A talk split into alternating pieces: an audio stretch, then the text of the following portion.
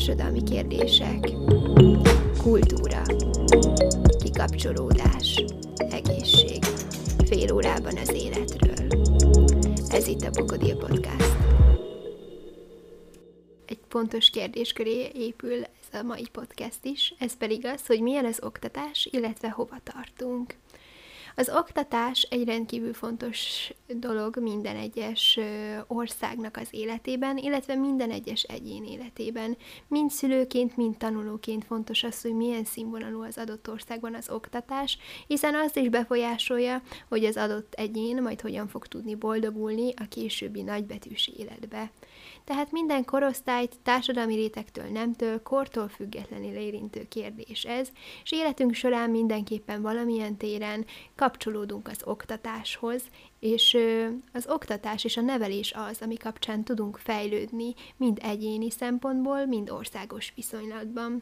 Az oktatásra nem csak mint intézményesült oktatás és oktatási rendszer kell tekintenünk, hanem ide tartozik az élethosszig tartó tanulás is, illetve ezen felül az, hogy valamilyen ismeretet elsajátítunk valakitől személyesen, aki tapasztaltabb, aki bölcsebb az adott kérdésben. Azt is fontos látni, hogy az oktatás minden országban, illetve minden kontinensen tulajdonképpen más, más ala, mások az alapjai, máshonnan gyökeredzik, más a története, a kultúrája. És az oktatás esetében ezt is figyelembe kell venni. Illetve már is az elején egy nagyon fontos kérdéshez érkeztünk, az, hogy mi a különbség nevelés és oktatás között. Az egyik az iskola feladata, a másik pedig a szülőké, vagy akár mindkettőnek mind a kettő a feladata. Az iskolának személy szerint én azt gondolom, hogy az életre való felkészítés, az életben való boldogulás a feladata, míg a nevelés olyan erkölcsi, etikai illemektanoknak a összességének a megtanítása, amely inkább talán a szülő feladata. De az iskola ezt az életre való felkészítést, ebben a jelenlegi helyzetben, amikor a jövő iszonyatosan ingoványos a digitalizáció miatt, vajon tudja -e teljesíteni, és ha igen, hogyan? A legjobb oktatási rendszereket fogjuk megnézni, Dél-Koreát és Finnországot, illetve természetesen a hazai oktatási rendszerrel és annak problémáival is fogunk foglalkozni. Megbeszéljük, hogy mi az a PISA mérés, illetve hogy tényleg milyen hatéko- mennyire hatékony a magyar oktatási rendszer, milyen problémákat vet fel a digitális oktatás, a diákok mennyire leterheltek, hogyan működik a szabadidő jelen helyzetben. Mint most is, ennek a következő fél órának is elsődleges feladata nem a teljes közű, körű ismeretnek az átadása, hanem egy olyan alapvető információnak a kigörbítése, ami kapcsán el tudunk kezdeni gondolkozni, és mindenki megtalálja a saját álláspontját a kérdést illetően. A forrásokat a blogon megtaláljátok, ha valaki esetleg ki szeretne mélyebben elmélyülni valamelyik témában. Először is a PISA méréssel szeretném kezdeni a mai podcastet, hogy tulajdonképpen mi is ez. Ez egy betűszó, méghozzá egy angol betűszó, magyarul úgy lehetne lefordítani, hogy a Nemzetközi Tanulói Teljesítménymérés programja. Ezt a programot egyébként a 90-es évek végén alapította a legfejlettebb államunkat egybesűrítő tulajdonképpen szervezet, amelynek OECD a neve. Ebben a szervezetben egyébként Magyarország 1996-ban csatlakozott, és azóta ennek tagja. Ez a bizonyos PISA mérés három területen vizsgálja a 15 éves tanulóknak a képességeit, ezek a területek pedig a következők. A matematika, a természettudomány, illetve a szövegértés illetve ami miatt ez a mérés elsőbbrendű vagy fontosabb, mint más mérések, hiszen számos teszt monitorozza a megszerzett és elsajátított tudását a gyermekeknek, de a PISA kiemelt azért, mert célja elsősorban a mindennapi életben használható tudásnak a vizsgálata, ezen felül pedig a mérésnek állandó részét képezi tulajdonképpen a diákoknak a családi és iskolai hátterével összefüggő információknak a gyűjtése, ezt kérdőívek formájában teszik egyébként, és ez azért nagyon hasznos, mert így egy komplex képet fest arról, hogy a teljesítményét a diákoknak milyen egyéb tényezők befolyásolják. Egyébként ezt a mérést először 2000-ben történt meg, tehát 2000-ben volt, hogy először végeztek ilyen mérést Európa szerte, és három évenként történik a mérés, papíralapon körülbelül két órát vesz igénybe. Minden mérést követő évben januári hónapban általában elemzik a pontokat, és egy listát készítenek arról, hogy melyik rendszer, illetve melyik országnak az oktatási rendszere a lehető legfejlettebb, tehát melyik érje el a legjobb eredményeket. A 2018-as, tehát az utolsó mérés eredményeként Dél-Korea kapta, illetve nyerte el az első helyet, illetve Ázsia minden szempontból élen jár az eredmények szempontjából, hiszen második helyezett Japán, harmadik Szingapur, negyedik pedig Hongkong lett. Ötödik Finnország, tehát Európa viszonylatából nézve Finnország lett az első, akinek a legjobb eredmények, aki a legjobb eredményeket tudta felmutatni. Az első húszba egyébként bekerült még Németország, Lengyelország, Nagy-Britannia, illetve USA is. Az Egyesült Államokat azért szeretném kiemelni a felsorolásból, mivel nagyon sokan megkérdőjelezik magát az oktatási rendszerét, hiszen nagyon kevés átadott lexikális tudást nyújt a diákoknak, és az elért eredmények alapján viszont azt láthatjuk, hogy ez a fajta projektekben való gondolkodás és a lexikális tudásnak a csökkentése mégiscsak hasznos hosszú távon, hiszen a legelősebb egyetemekre is nagy arányban bekerülnek az USA-ból is hallgatók. És Dél-Korea, ugye, aki az első helyezés nyerte, illetve Finnországnak a oktatási struktúrájába foglak titeket bevezetni kicsit, hiszen Dél-Korea pontszámilag a mérésben 555 pontot ért el, Finnország 520-at, hazánkban ez a pontszám 476. Illetve, hogy még kicsit a számoknál maradjunk, az összes ország, aki részt vett ebben a mérésben, annak mérték az átlagát, az 487 pont lett, tehát látható, hogy mi sajnos még az átlagot sem értük el. Ez igazán aggasztó eredmény, viszont azt gondolom, hogy az egész oktatási rendszernek a megítélését nem fedi le teljesen. Ez nagyon összetett és komplex dolog, mert nem lehet egyértelműen egy pontszám alapján kijelenteni, hogy ez most akkor jó vagy rossz. Hiszen itt csak az elért eredményeket nézik, viszont számos egyéb összetevő van, ami még tükrözi azt, hogy egy oktatási rendszer milyen, a mienségét határozza meg. Például az, hogy az iskola, mint közösségi tér működik-e, vagy hogyan működik. Hogy a diákok az iskolán kívül milyen egyéb szórakozási lehetőségekkel élnek, milyen a mentális egészségük, hogyan viszonyulnak egymáshoz, hogyan viszonyulnak magukhoz, a testükhöz, a testképükhöz, és mennyire világlátottak, milyen kulturális eseményeken van lehetőségük részt venni. És azt is fontos elmondani, hogy ugyan Finnországot és Dél-Koreát ilyen módon tulajdonképpen összehasonlítom a magyar rendszerrel, de ezt nagyon szeretném hangsúlyozni, hogy ez hasonlítás, nem pedig összemérés. A különbség a kettő között abban rejlik, hogy az összemérés egyfajta versenyt feltételez, hogy na, bezzeg ők mennyivel jobbak vagy rosszabbak. De itt nem erről van szó, hanem az összehasonlítás azt veszi alapul, hogy kiemeljük azokat a dolgokat, amikben mások fejlettebbek vagy jobbak, pont azért, hogy mi magunk is tudjunk fejlődni, hogy lássuk, hogy mik a hibái annak a rendszernek, amiben vagyunk, hiszen ha látjuk és tudunk róla értelmes módon kommunikálni, akkor várható előrelépés. Másrészt egyik napról a másikra egy új oktatási rendszer felépítése, lássuk be, hogy nem lehetséges, már csak azért is, mert, mint említettem, a különböző országoknak a tanuláshoz való viszonya másban gyökeredzik, hiszen más a történelmünk, más a kultúránk. De akkor lássuk is, hogy Magyarországon mik a jelenlévő problémák, illetve hogy mi a kilátás, hova tartunk a jövőbe. Ugye a PISA mérésekhez kanyarodnék vissza, ez a, ez a bizonyos 476 ponthoz. Az OECD szervezete Magyarországot a negatív példák között említette ebben a 2018-as mérésben, és azt határozta meg, hogy az adott tanulónak az iskolája, illetve az irányító száma, tehát hogy területileg hol él, az nagyon erősen befolyásolja azt, hogy milyen a teljesítménye.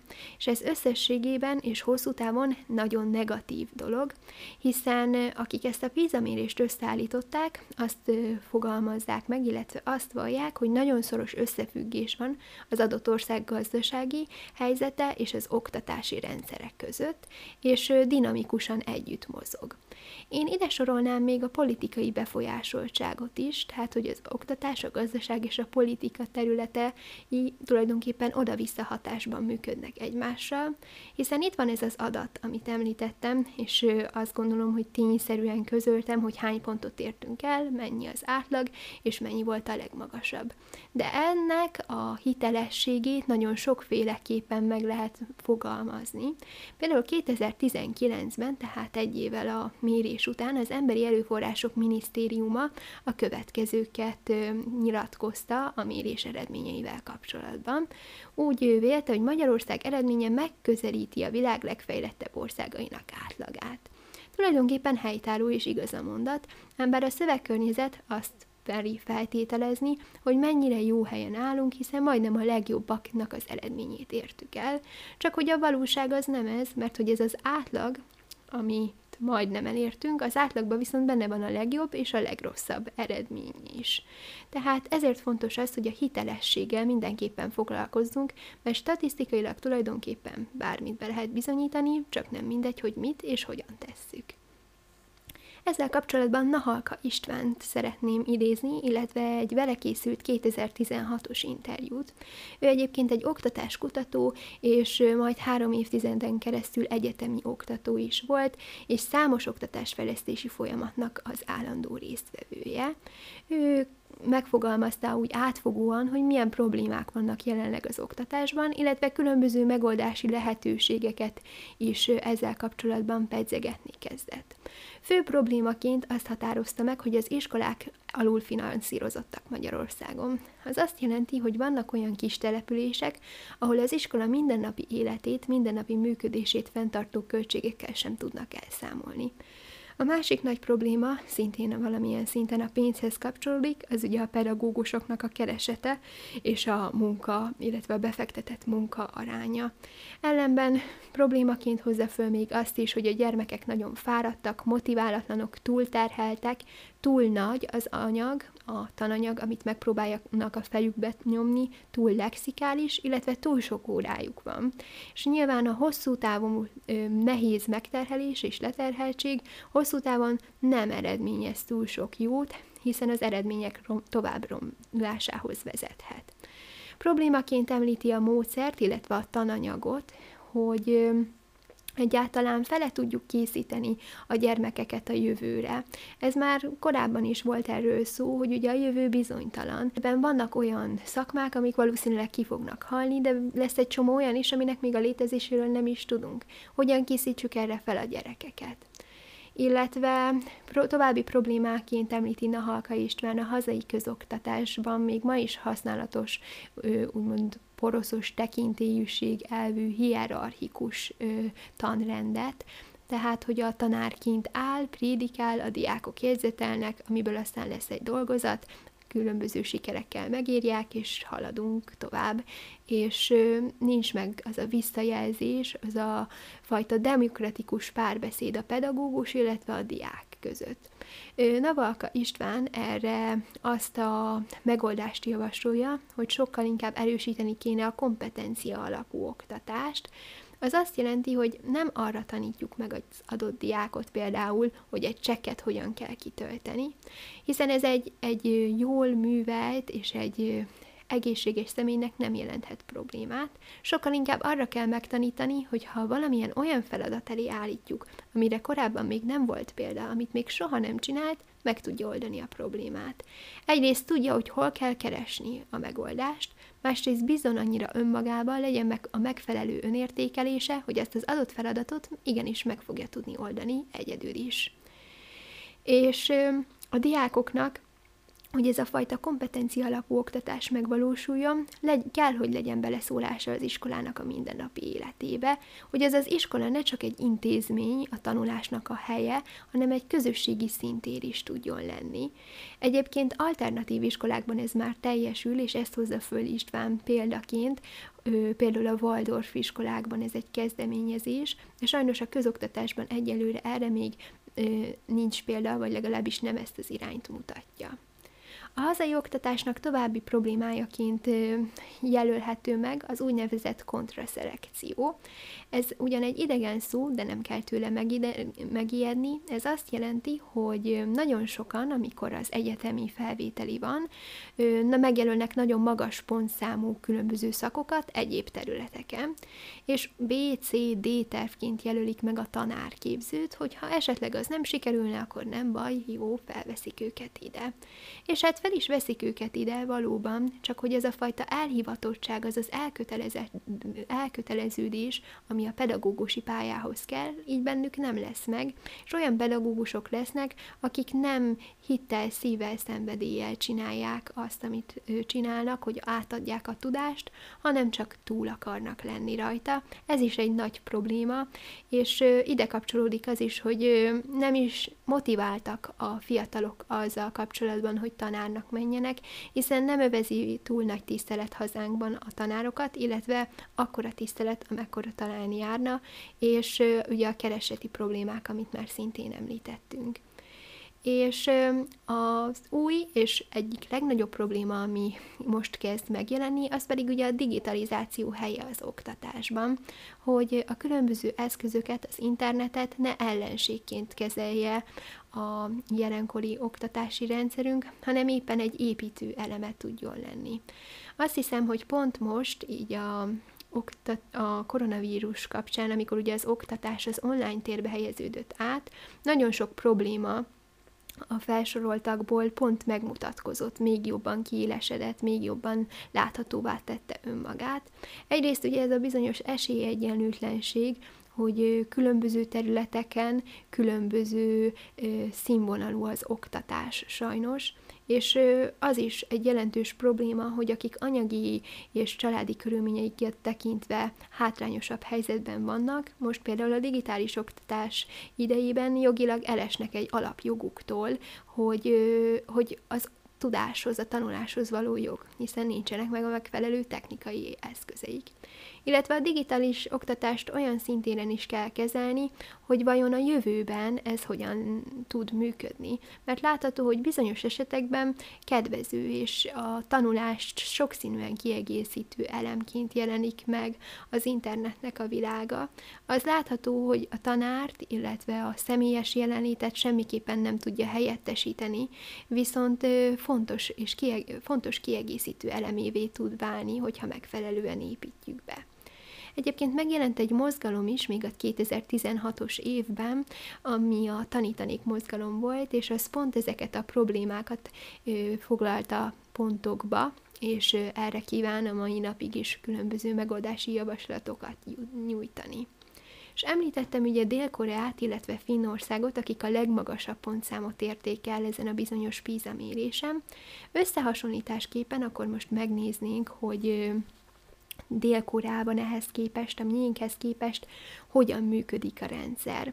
Ugye említettem, hogy ez az összehasonlítás, ez, ez nem egy összemérés lesz most így az esetünkben, hanem valóban egy hasonlítás, és éppen ezért nem is szeretnék álláspontot foglalni amellett, hogy most melyik jobb, melyik rosszabb, hiszen mindegyiknek majd láthatjuk, hogy ki fog rajzolódni, hogy vannak hibái, csak ezek eltérő hibák, és szerintem azt kell meglátni, hogy a pozitív dolgokat vegyük ki, és azt próbáljuk beépíteni, azt próbáljuk fejleszteni magunkban, hogy így a saját véleményünket tudjuk kialakítani a témával kapcsolatban. Dél-Korea hazánkhoz képest sokkal magasabb összeget fordít az oktatási rendszer fejlesztésére, sőt nem csak hazánkhoz képest, hanem világviszonylatban is, hiszen például 2010-ben a GDP-ének a 7,6%-át költötte az oktatási fejlesztésre, ami egy nagyon magas összeg és amellett, hogy az állam is ekkora energiát, időt és pénzt fektet a, az oktatási rendszernek a korszerűsítésére, a családok számára is egy nagyon fontos pont az oktatás, elsődleges fontosságú, és nagyon nagy hangsúlyt fektetnek abba, hogy a gyermeküket hova iskolázzák be.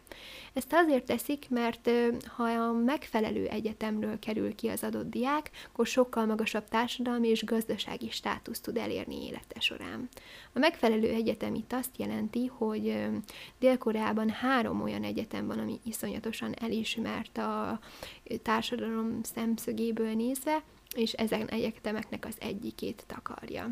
Egyébként az oktatási rendszer bizonyos szempontból hasonló miénkhez, ugyanúgy az óvoda a bejárata az iskolának, ahova három éves kortól kerülhetnek a gyerekek, de az a jellemző, hogy nagyon sok szülő még otthon tartja a gyermekét, hogy a családi hagyományokat ápolják, és otthon nevelik őket, de egyébként az óvodában, ami viszont eltérő a mi rendszerünktől, már a gyerekeket megtanulják számolni, illetve az olvás és az, olvasás és az írás alapjait is elsajátíthatják a gyermekek. De emellett az óvoda elsődlegesen még a kreativitás fejlesztésének, a színtere, énekeket, mondókákat tanulnak, túráznak sokat a természetben a gyerekekkel. Utána viszont kezdődik az általános iskola, az pedig az középiskola követi, ahol már sokkal szigorúbb rendszerek és szabályok érvényesek a diákokra. A tanítás csak úgy, mint nálunk, reggel 8-tól kezdődik, 45 perces órák vannak, két fél évre osztik az év, viszont időtartamban sokkal többet tanulnak a diákok, mint nálunk, hiszen a nyári szünet ott csak egy hónapos, és a téli szünet pedig két-három hetes, ezen felül pedig néhány egy-két napos pihenő van évközben, ami ünnepnapokhoz kapcsolódik. Mindemellett pedig magában óraszámban is sokkal többet töltenek iskolai tevékenységgel a diákok, ez körülbelül napi 12 óra, vagy ezt meghaladó, és ezen felül nagyon általános és elterjedt, hogy egyéb külön foglalkozásra is járnak a diákok, különböző zenei és sport foglalkozásokra kell itt gondolni, amikre a szülők tulajdonképpen rákényszerítik a gyermekeket, annak érdekében, hogy minél jobb eredményeket tudjanak elérni, és minél kimagaslóbbak legyenek, így bejutva a kívánt egyetemre.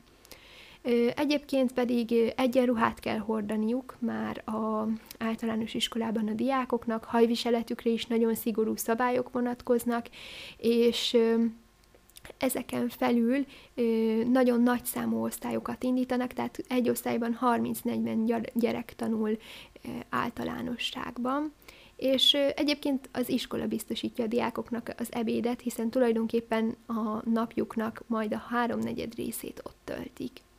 Ezt követően következik ugye a középiskola, aminek a végén egy nálunk érettséginek nevezett vizsgát, tesztet kell írniuk. Ott ennek van egy külön elnevezése, de a hazai érettségivel él föl tulajdonképpen. Ezt minden évben egyébként ugyanabban az időpontban, november második hetének csütörtökön írják, és ez egy tulajdonképpen országot megmozgató esemény olyan szempontból, hogy ilyenkor az ország minél nyugodtabb körülményeket próbál kialakítani, tehát például az összes üzlet elrendelten később nyílik aznap, hogy minden diák időben be tudjon érni a 8 óra 40-kor kezdődő vizsgára. Egyébként pedig a diákok bármikor kérhetnek ingyenes segítséget bármilyen ö, ö, szakfeladatot ellátó embertől, tehát például rendőrtől, taxistól, hogy fuvarozzák el őket az iskolába, ha éppen esetleg késésbe kerülnének. A vizsgák egyébként este 18 óráig tartanak, tehát folyamatosan közben a tesztsor megírására kerül sor, több fordulóban. Az alsóbb évesek nagyon nagy lelki és fizikai támogatást is nyújtanak a felsőbb éveses vizsgázó társaiknak, hiszen szurkolnak nekik, reggel várják őket mindenféle cukorral, teával, és amikor a vizsga kezdetét veszi, az épeleten kívül letérdelnek, és taps után pedig elhagyják a helyszínt, hogy ne zavarják a vizsgázókat. Tehát tényleg egyfajta tisztelet övez ilyen szempontból a felső éveseket, és azokat, akik éppen abban az évben teszik meg ezt a vizsgát. És ami számomra nagyon megdöbbentő volt, az egy mondás, ami Dél-Koreában van elterjedve. Ez az egyetemezésre és az iskoláztatásra való ehhez kapcsolódó mondás, mégpedig azt fogalmazza meg, hogy ha valaki három órát alszik egy nap, akkor esélyes bekerülni valamelyik fent szóban forgó, fenti szóban forgó egyetemre, tehát amelyik úgymond nívósabb. Ha négy órát alszik valaki, akkor talán lehetősége van bekerülni, de ha négy óránál többet alszik egy nap, akkor el is felejtheti azt, hogy egyetemre megy. És én azért, számomra ez azért nagyon sokkoló, mert egy gimnazista korú szervezetnek nagyon-nagyon sok pihenésre lenne szüksége, hiszen ekkor nagyon sok minden megy végbe az ember életébe. Ugye ekkor van az, az időszak, amikor biológiai és lelki fejlődéseken, változásokon esik át az ember, amikor a ki vagyok én, miben vagyok jó, kérdéseket próbálja megválaszolni az ember a saját készségeivel, önmagával, a testével igazából tisztába kerül, a szociális életre is nyilván kell fordítani időt, energiát, és éppen ezért ezek a diákok elképesztően leterheltek, és ezt mutatja az a 2017-es statisztika is, ami 451 olyan esetet tart számon, amikor középiskolás diákok öngyilkossági kísérletet próbáltak elkövetni, vagy akár valóban meg is történt az öngyilkosság, ami pedig még ennél is megdöbbentőbb az az, hogy ez nem csak a középiskolákban, hanem már az általános iskolákban is felütötte a fejét, a megkérdezétek, illetve a statisztika alapján a depresszió, a szorongás és a harag áll a háttérben. Tehát ezek alapján meg lehet kérdőjelezni, hogy ez a fantasztikus pontszám, az a nagyon jó eredmény, ami a PISA mérésen mutatkozik Dél-Korea esetében, az vajon megére ennyit.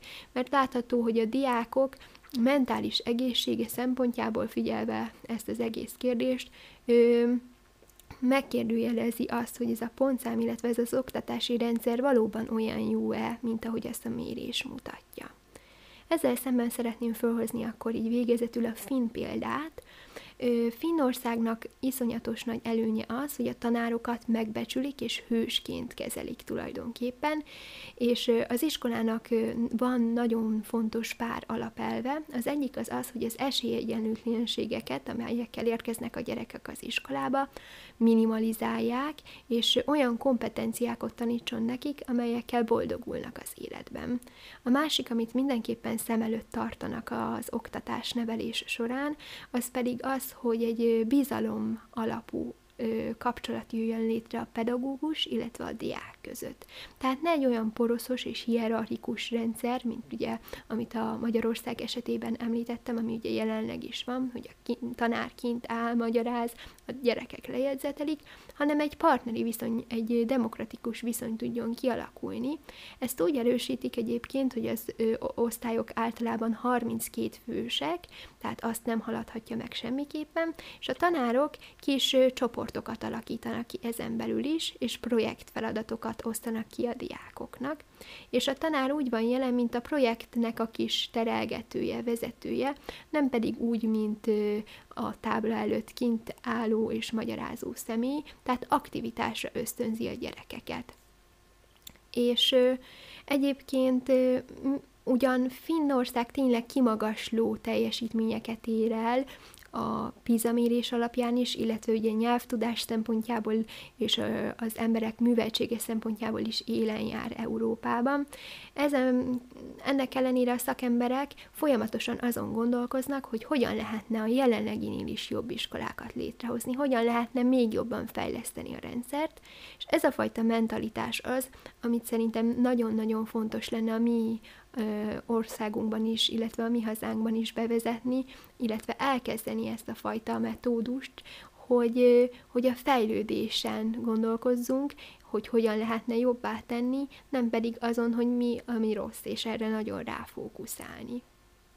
Az oktatás irányítás egyébként Finnországban ugyan centralizált, de a végrehajtás az teljes mértékben a helyi körülményekhez alkalmazkodik. Ez azt jelenti, hogy hogy mindig az adott tanár döntheti el azt, hogy hogyan adja át, és mikor adja át az adott tananyagot, és ez hosszú távon azt mutatja, hiszen ez már évek óta így van a finn területen, hogy ez egy nagyon pozitív dolog, és az eredmények szempontjából is kimagasló.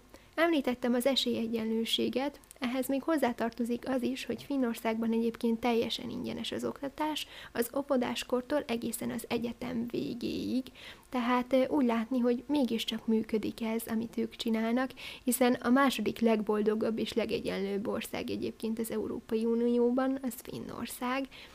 Nagyon magas a könyvtár használata, illetve ugye a nyelvtudása is, de azt már említettem. A nyelvtudáshoz egyébként még egy ilyen kis érdekesség is kapcsolódik, hogy ők abszolút nem szinkronizálják a külföldi filmeket, hanem a mozikban, televíziókban is minden eredeti nyelven feliratozva kerül levetítésre, ezzel is az olvasás fontosságára fölhívva a figyelmet, illetve hát a nyelvtanulásnak is látható, hogy nagyon kedvez azt is látni, hogy hasonló tendenciák is vannak a finn oktatásban, mint például a hazánkban.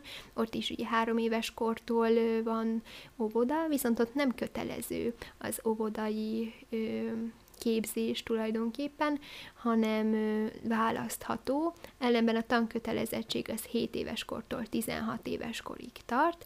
Ezt ben az általános iskolát követően, amit úgynevezett alsó középiskolának neveznek, utána két irányt választhat az adott személy, vagy pedig egy ilyen szakmai irányba megy el, tehát kifejezetten szakmát tanul, vagy pedig egy felső középfokú oktatást választ, ahol, ami után ugye lehetősége van különböző egyetemekre menni. 19 éves korában van, 19 éves kort betöltve érettségizhetnek a diákok, és ezután ugye kinyílik a világ, és mehetnek egyetemre, és Finn, nem csak Finnországban, hanem egész Skandinávia összes egyetemébe fogadják és várják őket, és mindezt ingyenesen. Ez összesen egyébként 21 egyetemet jelent, tehát igazán széles a választék. És az értékelésük egyébként 4-es és 10-es közötti érdeményekkel történik, de feladatuknak és célkütőzésüknek tartják a finnek, hogy ne ez a fajta szám jelentse a, az érdemjegyet valóban, hanem a tudás megszerzése és öröme legyen a fő cél.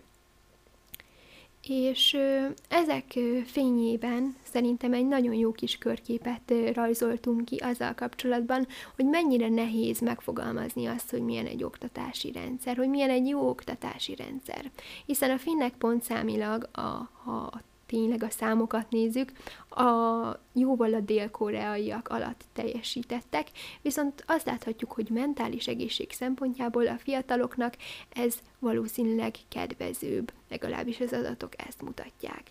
És a magyar viszonylathoz hasonlítva pedig nehéz megítélni, hogy hogy tényleg merre haladunk, hogy milyen irányt veszünk föl, mert hogyha azt nézzük, hogy ugye a gazdaság és az oktatás valóban nagyon összefügg egymással, akkor nem feltétlenül vannak jó kilátásaink a jövőre nézve, de mindenképpen érdemes ezekkel a kérdésekkel foglalkozni, hogy az iskola valójában hogyan tud felkészíteni minket tanulókat az életre, hogyan tud távlatokat adni, hogyan tudja megadni a megfelelő kompetenciákat, és el nem ítélhető módon ezeket ö, tulajdonképpen nagyon nehéz meghatározni, vagy talán nem is lehet, hogy mi az, amit meg kell, tanul, mi az, amit meg kell tanulni az iskolában, mi az az alapműveltség, ami elhagyható, vagy nem feltétlenül az alapműveltségnek a része kéne, hogy legyen, mi az a lexikális tudás, ami, amire igazából nincs szükség, és helyette mi az, amit be kell emelni. Ezekkel a kérdésekkel, illetve gondolatokkal búcsúzom. A következő alkalommal szintén egy nagyon érdekes témát fogunk megbeszélni. Addig is in brevi. thank you